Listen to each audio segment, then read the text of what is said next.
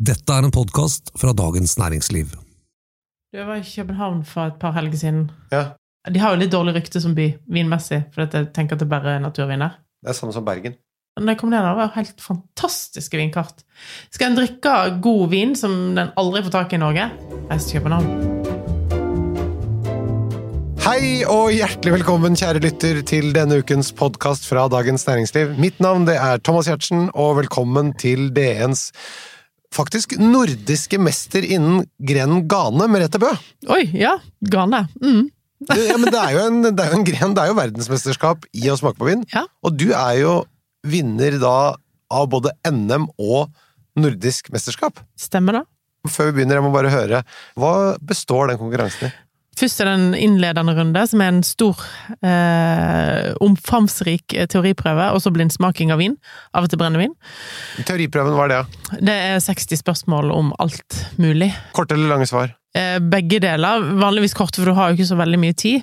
Så det har ofte 60 spørsmål på 60 minutter, eh, så du får ikke tid til å skrive så mye. Men eh, det er alt sånn Hva er pseudonymet på den druen her? Hvor finner en denne oppbindingsmetoden? Forklar hva disse begrepene er når det gjelder vinifikasjon. For eksempel nå sist i NM nå som var Ja. i år, så var hele Hellas på kart. Uten navn. Fyll inn alle appellasjonene i Hellas. Hæ?! 120 stykker. Oi, oi, oi. Appellasjoner i hele Nå var det jeg som lagde den prøven, så jeg var litt slem der, da. Men, Ja, det var dårlig gjort. Kanskje jeg skulle sendt deg den prøven? Det må du gjerne gjøre, Eh, men altså Greske appellasjoner, Ja, ja. det føler jeg ikke at jeg trenger, hvis du skjønner. Sier ikke det? Plutselig så er Hellas up and coming det viktigste vinlandet i verden igjen. Jo, jo, jo, men altså Ja, nei, det bare Det føles ikke som det haster. Du, du er jo utdannet vinkelner, så du kan jo være med eh, på en sånn her Old Boys-utgave. old boys! Fy faen. Men du, vi snakker om dette mesterskapet. Hvor mye blindsmaking Eh, var det? nei, og så kommer du videre, da. For, kan, forhåpentligvis. De beste kommer videre. Uh, til du da kommer til en finale der det står tre stykker på en scene. Én og én inn, og da gjør du praktisk oppgave, som å dekantere en vin på noen få minutter. Eh, fordele en magnumflaske champagne på 30 glass, og alt skal være likt. og Det skal ikke være etterskjenk, og flaska skal være tom. Du må sette vin til mat. Ja. Og så er jo alt dette foran publikum. Ja. Sant? På VM, da, så er det kanskje flere tusen. Det er en ekstra stressfaktor. Og så skal du stå med et glass vin i hånda, beskrive vinen og si hva det lukter og smaker, og konkludere. Mens publikum vet ofte hva vinen er. Du er den eneste som ikke vet hva det er. Det er en sånn skikkelig god følelse der. Du står. Men har dere også sånn sorte glass, Ja, oh, ja, ja. så, Mm. så du ikke ser hva som er oppi? Når jeg lagde oppgave til NM i fjor, så hadde vi fire roséviner i svarte glass. Det er dårlig. Ja, jeg er skikkelig slem. Ja, det, det er skikkelig vriene greier, ass.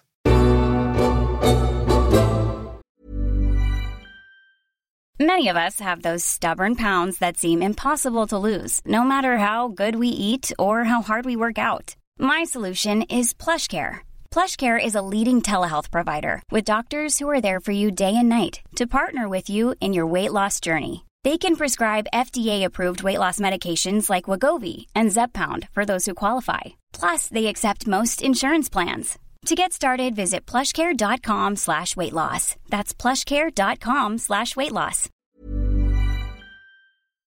Men du, vi må over på dagens tema. Vi har snakket om druen Riesling eh, flere ganger, da både fra Alsace i Frankrike og Mosel nord i Tyskland. Men et område som er litt lenger sør i Tyskland, som heter Reinhessen. Og Derfor har det kommet mye bra Riesling de siste årene, har det ikke det? Veldig. Det er jo da som de beste vinene, kanskje, eller i hvert fall de mest ettertrakta vinene fra Tyskland, kommer fra i dag. Du vil si det så sterkt, ja? Ja, det vil jeg si. Nettopp. Men historisk sett så har jo dette vært kjent som et egentlig litt sånn drittområde, ikke det? I hvert fall de siste hundre år. Det er da området som er ansvarlig for viner som Liv for Milch, for Blue Nun. Det er jo et kvantitativt enormt område, det største området i hele Tyskland. Hver fjerde flaske Riesling som blir laga i Tyskland, kommer derifra, faktisk. Ok, men, men hva er det som har skjedd? Hvorfor har det plutselig snudd så veldig, da? For det første så er det et område med veldig lang historie. Helt tilbake igjen til romertiden, eh, så de har jo liksom mye å bygge på. Men så kom jo etter første og andre verdenskrig, så ble det veldig mye kvantitet for å bygge opp igjen landet. så lagde de Liebfromilch var jo på en måte fra Worms, da. Var jo, tro det eller ei, en kvalitetsvin for 100 år siden. Men så ble jo dette et merkevarenavn, og merkevaren ble viktigere, og den solgte veldig bra, ikke sant? Og så ble det mer og mer utvannet merkevare. Eh, til slutt så, så ble det et litt mer skjellsuttrykk enn en, en kvalitetsvin, da. Eh, men så har jo liksom unge, flinke produsenter, da, som da har hatt muligheten, fordi det ikke har vært så kostbart område, hatt muligheten til å slå seg opp. Ok, så en billig inngangsbillett. Ja. Nettopp.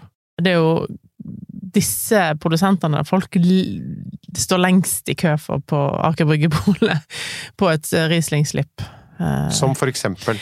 Keller og Wittmann i en sånn særklasse eh, der. Klaus Petter Keller og Philip Wittmann som Og når jeg er på En gang i året så er jeg jo på noe, en smaking i Mainz, som ligger i Reinhessen. Eh, men de har da vin fra hele Tyskland, der du smaker siste årgang av GG, altså de tørre, dyreste vinene.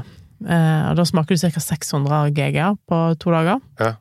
Da kan du bli med til neste år, kan du få kjenne litt på tannemaljen din. Jeg skal si det. Kom hjem uten tenner. ja. og da eh, Du smaker jo forholdsvis blindt, og alle får på en måte samme mm, mulighet til å vise seg fram, men Keller og, eh, Keller og Wittmann skinner hvert eneste år igjennom som de aller beste. Og de lager vel da verdens dyreste Rieslinger, gjør de ikke det? G-Max og, og Laborn. Ja. Ta vekk de søte, men de tørre, uten tvil. Og G-Maxen er Keller som lager. G-Max Keller og Laborne Wittmann. Hva koster de flaskene? Eh, Wittmann sin Laborne Laborn koster vel sånn 4000-5000, og G-Maxen ligger vel på sånn 7000-8000, men dette er i Norge. Ja. Keller sin G-Max koster rundt 20 resten av verden. Som vi har snakket om før, det at det er billigst i Norge, det har med Vinmonopolet å gjøre, og det faste påslaget. Ja. Ellers i verden så er det tilbud, etterspørsel og markedet som bestemmer i større grad. Ja, uten tvil. Og så er det òg sånn at eh, det kommer ikke så mye av disse her. Jeg tipper kanskje det kommer 12-18 flasker G-Max til Norge i året. Eh, Mesteparten blir solgt på restaurant, og så går det noen få til Vinmonopolet, ikke sant. Og de blir det jo nesten slåsskamp om, da. Så de har blitt holdt tilbake nå under korona, så de blir jo solgt den dagen de kan ha et eh, fysisk Riesling-slipp. Da blir det vel eh, to eller tre årganger, ja. Som de har ruga på. Mm. Holdt tilbake godsakene. Disse vinene gir jo polet publisitet, og slipper publisitet. Nettopp, så det handler rett og slett om markedsføring av alkohol som ikke er lov. Ja. Jeg skjønner. Den padda får du ikke tilbake igjen, den hopper rundt på gulvet her. nå. Men du, eh, vi, vi må tilbake til eh, reinhesten. Hvor stort er det aller først? Eh, Det er 26, litt over 26 000 hektar med vinmark. Det er helt enormt. Det er litt mindre enn champagne, men et stort område. Men det er fordi champagne er utvidet også nylig, Ja. er det ikke? Men Jo. det er litt over 30? Eh, Nei, nesten 40 champagne.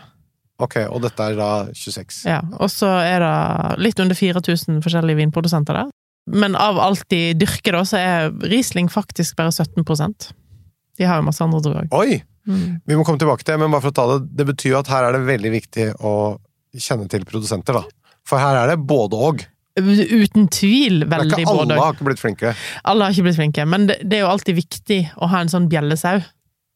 Ikke sant? Som, som de alle andre springer etter. Ja. Og Keller og Wittmann har jo blitt litt sånn. At eh, de ser hva de får til, i et land der vinen egentlig har vært underprisa siden andre verdenskrig. Skjønner. Hva er det som kjennetegner Riesling fra reinhesten? Eh, Mesteparten lager jo tørr Riesling, eh, selv om de har muligheten til å lage GG eller ikke. Eh, så det er mer tørr Riesling her enn veldig mange andre plasser. Så de bruker ikke så mye predikat.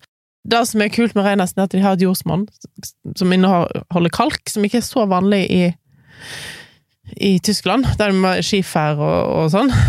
Eh, Og selvfølgelig at de har et litt varmere klima enn Reingau og, Rein og eh, Mosel og Nahe, er at eh, de egner seg bedre til å lage tørre rislinger som har en flott mineralitet, og som har en bra konsentrasjon, og ja. Det kommer av jordsmonnet, sier du? ja og klima. Og klima. Ja. Ja. men det er jo litt varmt. ja, men kalken er jo med på å holde temperaturen litt nede, på en måte. Ja. Nettopp! Du nevnte predikatvinner her. Kan ikke vi bare ta en recap av kvalitetshierarkiet? Fordi i Tyskland så sorterer man jo da ikke i utgangspunktet først og fremst på vinmarker, men på modningsgrad på druene på innhøstingstidspunktet. Mm. Og da sukkerinnholdet. Mm. Hvor mye sukker det er i druene når de blir høstet inn. Og da kan ikke du ta hele rekka der. Det er så lenge siden jeg deltok i en konkurranse at jeg ikke husker alle disse økslegradene som blir målt etter. Nei, det Men, trenger vi ikke, nei. det, det, det trenger vi ikke, men du kan Men- bare si kategoriene. Ja, eh, du har jo eh, lavest nede, som ikke er en offisiell kategori, eh, men som eh, ofte dukker opp på vinetiketter. Det er feinherb. Eh, og så har du kabinett, som er kanskje den vanligste stilen, bortsett fra tråkken eller tørr, i, eh, i reinhesten, som er sånn halvt tørr, opp til 35 gram sukker i en ferdig vin. Så fra 9 gram sukker til 35 gram Mm. sukker. Så lite grann sødme. Hva er egentlig da forskjellen på feinherb og kabinett? Du, det er ikke så Det er ikke så lett å si. Når du stilte det spørsmålet i stad, tenkte jeg Dette er jeg faktisk litt usikker på. Altså, Kan ikke du spørre han der, Er ikke du venn med han Klaus Petter Keller, da? Jeg har spurt han. Ja, hva sier han da? Nei, han har ikke svart. Han er ikke på telefonen? Nei, jeg har Kanskje han sendt har han gjort på henne? Ja, han er kanskje ute i en vinmark. Ja. Han har ikke sett meldingen heller, kan jeg se. Han har ikke det, nei. Hvor gammel er han? Jeg vet ikke. Han er gammel som deg, tror jeg. Noe sånt. Ja, Allboys. Han er, men han, i motsetning til deg, aktiv på Instagram. Ikke bare en Kikker. Så svaret på spørsmålet er at du vet ikke. Det jeg vet, er at eh, feinab er ikke en offisiell eh, betegnelse. Og så har du litt med su- sukkernivået. Så feinab, da må du ikke ha den økselgraden som du må ha i en kabinett for å få lov til å kalle den kabinett. Feinab er en litt mer sånn leikende kategori. Du kan putte det på hvis du vil ha litt sukker i vinen, eksempel. Men sånn for en vanlig forbruker så betyr det omtrent det samme. Ja. Nå har han aldri feina på sine etiketter, men hva avgjør om han hadde gjort det, eller versus kabinett? Ja. Hva tenker en vinprodusent? Og det er av og til litt sånn greit å spørre noen. Men da er vi ferdig med første kategori, Ja. så vi må speede opp for å komme innom de andre.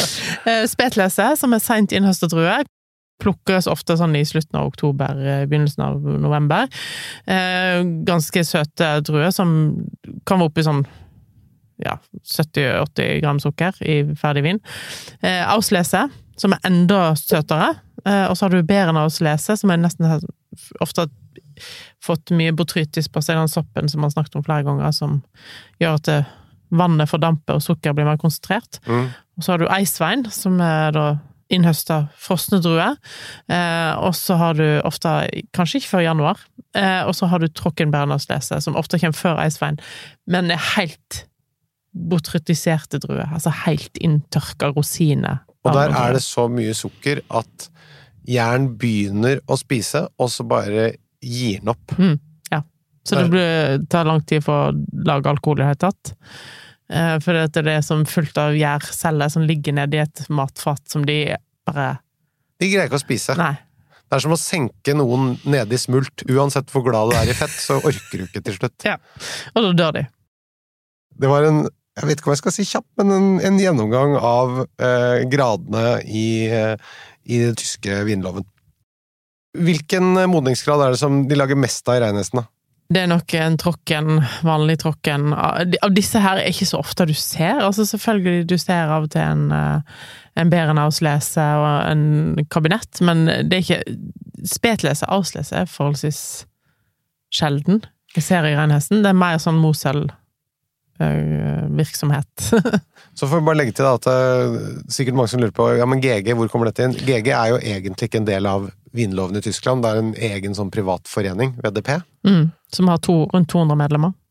Og, Produsenter. ja, Mm. og de eh, har en egen klassifisering av da grosse gevekst, eller tilsvarende Grand Cru i Frankrike, Mm, som da er for bare for tørre viner. mm, Så ikke, hvis det står GG, så er den tørr. ja, opp, opp til 9 gram. Ja, og, og det er jo egentlig den enkleste eh, hva skal vi si for noe, etikettmerkingen å forstå og følge i Tyskland. Ja, den er jo helt fantastisk. Står jo G-ene er jo på en måte tatovert inn i flaska. Og GG er jo litt sånn diskutert og kontroversielt, egentlig, fordi at det gjelder bare for de medlemmene. De andre må skrive, eh, kan skrive Erstelaget, eh, som er da altså Premierkry. Første ja. Ja, første vekst, men kan da eh, brukes som gråseskevekst. Altså om gråseskevekst, selv om du ikke er medlem av oh, ja, nettopp, så det er egentlig en Grand det også? Ja, ja, men hvis du kan bruke det hvis du ikke er medlem av VEP. Siden vi snakker om GG, så er jo kanskje de mest kjente GG-ene i hele Tyskland kommer jo fra reinhesten nå. Eh, da kan du nevne sånn som Morstein, Kirchspiel, Hubacker, Apsterde, Hipping, Ølberg, Pettental, Rottenberg, Aurlede, Brudersberg Jeg kan snakke i evigheter, kjenner jeg. I dag så fokuserer vi altså på Riesling fra den tyske regionen Reinhessen, og Merete skal som vanlig komme med anbefalinger på de beste kjøpene, og ikke minst nevne de beste produsentene. Og alle vinene de ligger som vanlig i episodeinfoen. Du, da må vi gå grundigere til verks på tørr Riesling fra Reinhessen. Hva kan jeg forvente av en kvalitetsprodusent her? Bra konsentrasjon, eh, mineralitet, eh, nerve Altså, det er veldig flotte viner. Eh, og så er det jo litt sånn forskjell på årganger her, da. 2018, for eksempel, som var et veldig varmt år. Kanskje ikke så spennende som 2019, 2021 Nei, 2020 og 2021. Eh, så den skal være litt sånn kritisk. Og så er det òg en ting En tenker jo alltid at en tysk Riesling, eller i hvert fall tenker jeg, da, kan ligge uendelig lenge, for det har ofte litt sukker eller veldig høy syre eller sånn, men jeg syns ofte at GG-ene fra reinhesten kanskje ikke trenger så mye tid. Nei. Vanligvis så er jo du sånn at den skal ligge i 40 år, den Mm. skal ligge i 30 år. Men her er du kjapt frampå. Ja, jeg tenker Mange av de begynner liksom å skuffe meg litt når de bikker ti år. Å ja. Så akkurat. Det er jo liksom produsentavhengig her òg, da. Men er det fordi du får petroleum, da? Ja. Jeg liker ikke det. Nei. Syns ikke at jeg har lyst til å drikke en vin som lukter som en Esso-stasjon. Men du, det landskapet der, det er jo ganske flatt, er det ikke det? De sier at reinhesten er eh, oversatt til norsk 'landet med tusen åser', og det er veldig sånn der eh, åsete. Det er ikke sånne bratte skråninger sånn som det er i Mosel og Reingau og sånt. Så Nei. det er jo litt sånn mer diffust område, da, for å si det sånn. Men alle andre steder så er det jo alltid snakk om at det er helt avgjørende at det er bakker Mm, eh, som eh, At de beste vinene lages der. mm. Men hvordan går det da an å lage kvalitetsvin på flata her, sånn da? Ja, si det. Nei, det er jo selvfølgelig litt eh, skråning, det er jo Men det er jo òg et litt annet jordsmonn, som sagt. Eh, og ikke minst flinke produsenter som er villige til å Jo, men det da, det er det jo andre steder også, da er det ikke noe problem da, å det lage blir- bra det, det er jo litt sånn, for eksempel sånn som Reingard, som lenge var det hotteste området i, i Tyskland. Ja. Ikke sant? Lagde de beste tørrvinene, er masse up and coming. Så blir du litt sånn Du blir tatt for gitt. Du tar det for gitt sjøl, at du er populær. Mm. Det er litt sånn som hun jenta i klassen på ungdomsskolen som var den desidert mest populære. Alle gutters store våte drøm. Mm. Så gå tilbake og se på henne nå. Ja. Så fikk hun unger litt tidlig, glemte å utdanne seg. Eh, Mista litt teg, ble tatt. Eh, trengte ikke jobbe for det. Og da Jeg bare sier Jeg sier ingenting. Jeg holder meg for god. Vi er fortsatt i mars måned. Det er for kort siden kvinnedagen. Jeg kritiserer ingen kvinner. Ja, men, men det er jeg ikke med på, Merete. Jo, jo men du, du veit vet akkurat hva jeg snakker om. Jeg vet ikke hvordan det var her i Oslo. engang, men, ikke engang pene kvinner. Jeg snakker ikke engang om utseendet til kvinner. Jeg forholder meg ikke til det. Men den Så jeg skjønner ikke bildet, men ok, greit. Mens reinhestene måtte jobbe litt mer for det, da. Ja. Sant? Det kan jeg forstå. Eh, mens eh, Helt uavhengig av kvinner. Ja, helt, ja, ok. Greit, da.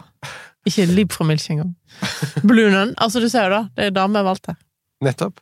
Så det du sier er at eh, de har jobbet ekstra hardt. Hvorfor har ikke de som lager vin på flata i Burgund også jobbet ekstra hardt for å få løfte opp kvaliteten på flata? De har jo ikke trengt det. De har jo solgt vinen sin uansett de siste 30 år.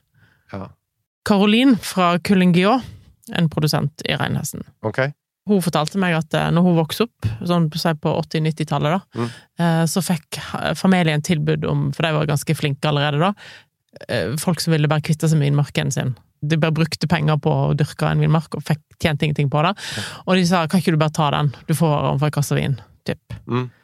De hadde ikke kapasitet til å lage noe der uansett, så de kunne ikke ta imot alt. Og hun sa men hvis jeg hadde tatt imot alle vinmarkene da, Mm. for i dag er prisen en helt annen, eh, så hadde jeg flydd privatfly hver dag, liksom. Herregud. Så det er jo endra seg på veldig kort tid, dette her, sant? Ja. Eh, og bare sånn Keller overtok vel familiegården i 2004. Det var ingen som snakket om Keller før da. 2004, ja ja, det er 18 år siden, men det er veldig mye som har skjedd siden den gang. Tilbake til eh, vinstilen, da. Hvilke aromaer skal man være obs på ved en blindsmaking hvis man får da en tørr Riesling fra reinhesten i glasset? Jeg har alltid tenkt at den er en mellomting mellom Reingau, som er veldig sånn mineralsk og kjølig, og eh, og grønne epler og sånn, eh, og flint, eh, til å ha et innslag av tropisk frukt, men ikke så tropiske som i fals. Nei. Så mellomting mellom Reingau og fals, kan jeg si. Det har jeg alltid tenkt. Jeg tror ikke jeg har kalibrert ganen min helt på den akkurat hvor ligger Reingau, og hvor ligger Fals på, på tropiskometeret mitt. Jeg skjønner hva du sier, men, det, men det, det krever Man må rett og slett smake litt her for å finne ut av det. Jeg tenker alltid, når du skal bli kjent med et vinområde, kan være litt lurt å smake topp og bunn. Sant? Ja. 3800 vinprodusenter her. Du kan ikke smake alt, så du må gjøre et valg. Og Keller er jo alltid utsolgt på polet, nesten. Blitt, dessverre. På restaurant da, så får du kanskje tak i en GG for Keller. Test ut det beste. Mm. Og spander på deg en liten Blunan, så får du bunnen. Og det skal sies at eh, fordi toppvinene i dette området er billigere enn for eksempel Burgund. Ja, ja. Med unntak av de to vi nevnte. Ja, nei, men det er billigere de òg, egentlig. Ja. Ja, ja, de to vinene, men, men det er jo billigere med tanke på altså En GG for Keller på polet koster jo 700-800 kroner. Når den blir sluppet, da. Nå, nå svarte han! Har Keller svart? Ja. Hva har han sagt? Han skriver Finehub has normally at our estate around 20 grams of sugar, Cabby around 35 to 45. Cabinet can be called Finehab when the sugar is under 35 grams per liter, I think, but not sure. Det er ganske kult at han skriver at han ikke er sure, Nettopp. fordi at det, det betyr jo at jeg ikke kan ha så dårlig Ikke samvittighet. sant? Og her hjemme klager folk over at Hadia Tajik ikke kan skattereglene. Folk som driver med ting, kan ikke reglene. Nei. Og normally Finehab is always more dry. But it's confusing, and also in Germany nobody understands. Nettopp. Så det er rotete også der. I det land som faktisk har en veldig sans for orden. Vi, vi forbinder jo tyskere veldig mye med orden, og god orden, det er jo mange mennesker, tror jeg. Men det er faktisk Vi får ha innblikk i en del av det tyske samfunn som viser at vi er ikke bare ordensmennesker, vi er også med med litt mer slumsete og nonchalant, som du sier på fransk. Ikke sant? Det er ikke så langt til Frankrike herfra, da. Så. Nei, det er ikke det. Men du bruker eik. Ja, de lagrer vin på eik, men stort sett gamle eikfat. Det er så gamle fat at de er fra før andre verdenskrig. For eksempel i Kai Schatzel sin kjeller, som holder til i Nierstein. Han har et fat Nierstein? Nierstein, Ja. det er en by. Mm. I Råterang, eller ja, der de har litt antiosmann. Så har han noe fat i kjelleren der de har pussa vekk som Det var et hakekost på de, og var til og med Hitler, en sånn utskjæring av Hitler. Du ser at de har Børsta det vekk. ja, de har pustet vekk, Ja. men fatet består. Ja. Det er ikke noe smak av eik. Altså, når de er fra nazitida, så, så bør det ikke være noe smak igjen. Nei. Du sa lagringen var ikke noe særlig. Du ville ha drikke dem innen ti år. De tørre, ja. Eh, selvfølgelig finnes unntak, og det gjør ingenting om de er blitt 15. Men jeg føler ikke at det blir bedre etter tid. Så sa du at Wittmann og Keller var dyre. Mm. Men hva koster i snitt en god GG fra Reinesen? Nei, du kan for eksempel få Curling Geor, da, som jeg syns er litt sånn undervurdert produsent, som eh, kan ligge på sånn rundt 400-500. Nå er vi vel i gang med anbefalingen her, hører jeg. Litt, litt, litt så vidt i gang. Men så har, jeg må tenke på at dette er da Nå snakker vi om de GG-ene, de dyreste, men alle her har jo òg entry level, altså, altså Godsveien, Riesling Trocken, som koster rundt 200 kroner. Ja. Og det vil du anbefale også. Ja, vil anbefale, uten tvil. Så I dette området kommer jeg til å nevne produsenter du skal gå for, så kan du ta hele rangen deres. Altså, Wittmann har jo for eksempel en Riesling Trocken på basissortimentet til Polet, som et strålende godt kjøp. Ja. Sammen med Cullinger, som har en eh, som heter Kinterra i basis, som òg er et fantastisk kjøp. Men da får du litt mindre konsentrasjon, for eksempel. Litt mindre konsentrasjon, Men gode viner å ha til mat. og alltid tilgjengelig. Veldig billig i forhold til kvalitet. Flere anbefalinger, eller? Ja, altså jeg må jo nevne et par andre produsenter òg. Kai Schatzel, for eksempel. Jeg har jo nevnt han, eh, og jeg har snakket om han før. Men han eh, lager strålende vin, eh, og han har jo en kabinett som koster 160-70 kroner, som er helt sinnssyk kvalitet for den prisen, egentlig. Den er òg i basis. Masse i basissortimentet her, skjønner du. Men du nevnte i sted at det egentlig bare er en liten prosent av arealet som brukes på Riesling. Hvilke andre druer er det? De lager mer og mer chardonnay. De lager mye pinot noir, eller spetburgunder. Eh, De lager pinot blanc, muller turgau, pinot gris, eller grauburgunder. Hva av dette vil du trekke frem? da?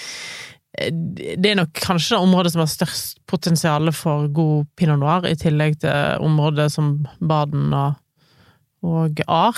Som, eh, og jeg tenker at vi vil se mer pinot noir og spetburgunder fra Tyskland enn det vi gjør i dag. Fordi at I og med at burgunder blir så dyrt. Og her har de litt samme jordsmonnet som i, i Burgund, med den kalken som er i reinhesten eh, et par plasser. Så når du lager pinot noir med rette kloner fra Burgund, sånn som for eksempel Claes Petter Keller har gjort, så lager jo han òg den dyreste tørre rødvinen, som er da Felix Morstein. Og er forsiktig med eikebruken, eller? Kanskje ikke den er så mye, han har så mye eik på den, men de andre vinene Og grunnen til at jeg stiller det eikespørsmålet, det er jo fordi at eh, det, Generelt er det for mye eik. det har jo vært Uten et tema. Ja. Eh, Men det er fordi de er veldig glad i eik sjøl. Og så må du tenke at deres viktigste marked er heimemarkedet i Tyskland, så drit i oss nordmenn hva vi mener. sant? Her liker vi å sminke. Ja, eh, men sånn som Keller er jo veldig gu- burgundorientert, og får stiklingene sine fra Jeg tror de kom fra Musigny. Ja. Eh, og en del eikefat får de kjøpe de etter de har vært i bruk hos Domaine La Romane Conti. Så de er jo eh, orientert mot Burgund, så det er jo bare spørsmål om tid. Hva med Eh. chardonnay herfra? Jeg har ikke smakt så mange av de ennå, men eh, Keller sine sønner Han har to sønner, og de har begynt å eksperimentere med chardonnay. Og de gleder meg veldig til å smake. Jeg har ikke smakt det ennå. Men det kommer til å komme mer, fordi at de ser òg at eh, etterspørselen etter chardonnay er veldig stor. Eh, De har alltid hatt litt chardonnay, uten at de egentlig har snakket så mye om det. Eh, Og for eksempel òg i Baden så ser en òg nå at det er veldig masse bra chardonnay. Et eksempel på en god chardonnay-produsent som jeg og deg har drukket mye av, er jo Knevitz. Det var det neste spørsmålet, nemlig. Mm. Så der hvor de har kommet lengst med chardonnay, det er Baden. Baden, men eh, ligger i Reinhesten.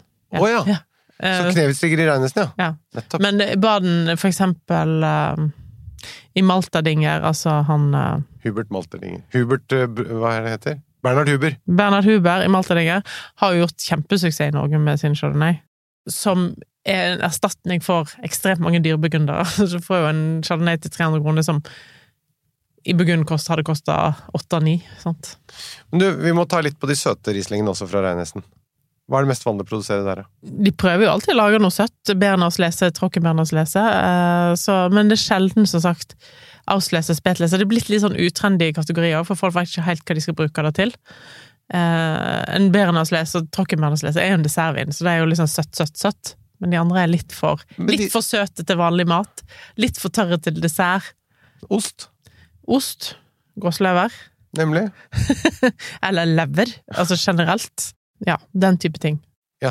Bare for å si det, Gunhild Stordalen anbefaler nå en, eh, en politisk korrekt gåslever gåselever, så det, Ja. det går an. Å ja, det går. Ja. Ja, Det det finnes jo. dyrt, men Eh, det, altså, jeg har vært uh, i Frankrike og sett uh, Vært hos um, eh, produsenter som de, de, de gjestene har det helt fantastisk. Så det fins, uten tvil. Men uh, du skal velge med omhu, selvfølgelig, og ikke ete det for ofte. Av mange grunner. dine egne blodårer, for eksempel. Ja. Men disse søtvinene, de lagrer godt. ja, kjempegodt. Herregud. Det kan ligge i Det kan ligge til i din tipp-tipp-tippoldebarn. Helt til slutt, en uh, vin, hvilken som helst kategori av sødmegrad, under 200 kroner, som du anbefaler? Det er jo flere, men uh, hvis du, Ta to, da. Kan jeg få lov til å ta to?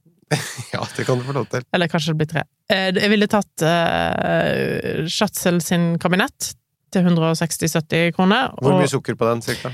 Nei, der er det nok sikkert veldig høy syre på, men jeg tipper at det er sånn 35 gram. Ja, så det er ganske Ganske søtt, men alt som du har spicy Så mye chili, mye eh, salt, mye røyk, mye fett Alt disse smakene fungerer så godt i den vinen. Den er bare så kul. Ja. Eh, og så ville jeg tatt eh, både Quinterra til Køling Guillot og eh, Wittmann sin eh, Riesling Trocken. Og sammenlign igjen, da. Kjøp begge to. Ja.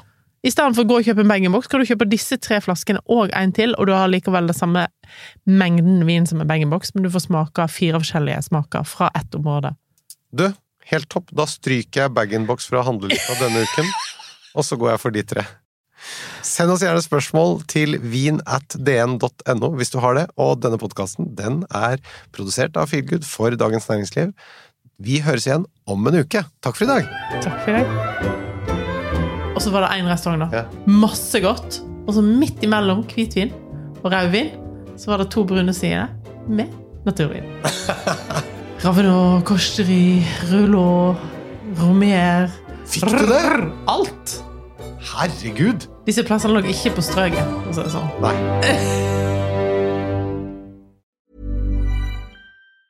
Planning for your next trip? Elevate your travel style with Quince. Quince has all the jet setting essentials you'll want for your next getaway, like European linen, premium luggage options, buttery soft Italian leather bags, and so much more. And it's all priced at 50 to 80% less than similar brands. Plus, Quince only works with factories that use safe and ethical manufacturing practices. Pack your bags with high-quality essentials you'll be wearing for vacations to come with Quince. Go to quince.com slash trip for free shipping and 365-day returns. Hold up. What was that? Boring. No flavor. That was as bad as those leftovers you ate all week. Kiki Palmer here, and it's time to say hello to something fresh and guilt-free. Hello Fresh. Jazz up dinner with pecan-crusted chicken or garlic butter shrimp scampi. Now that's music to my mouth. Hello Fresh. Let's get this dinner party started. Discover all the delicious possibilities at hellofresh.com. Mom deserves the best, and there's no better place to shop for Mother's Day than Whole Foods Market. They're your destination for unbeatable savings, from premium gifts to show-stopping flowers and irresistible desserts. Start by saving 33% with Prime on all body care and candles. Then get a 15-stem bunch of tulips for just $9.99 each with Prime. Round out Mom's menu with festive rosé, irresistible berry chantilly cake, and more special treats. Come celebrate Mother's Day at Whole Foods Market. Du har nå hørt en podkast fra Dagens Næringsliv.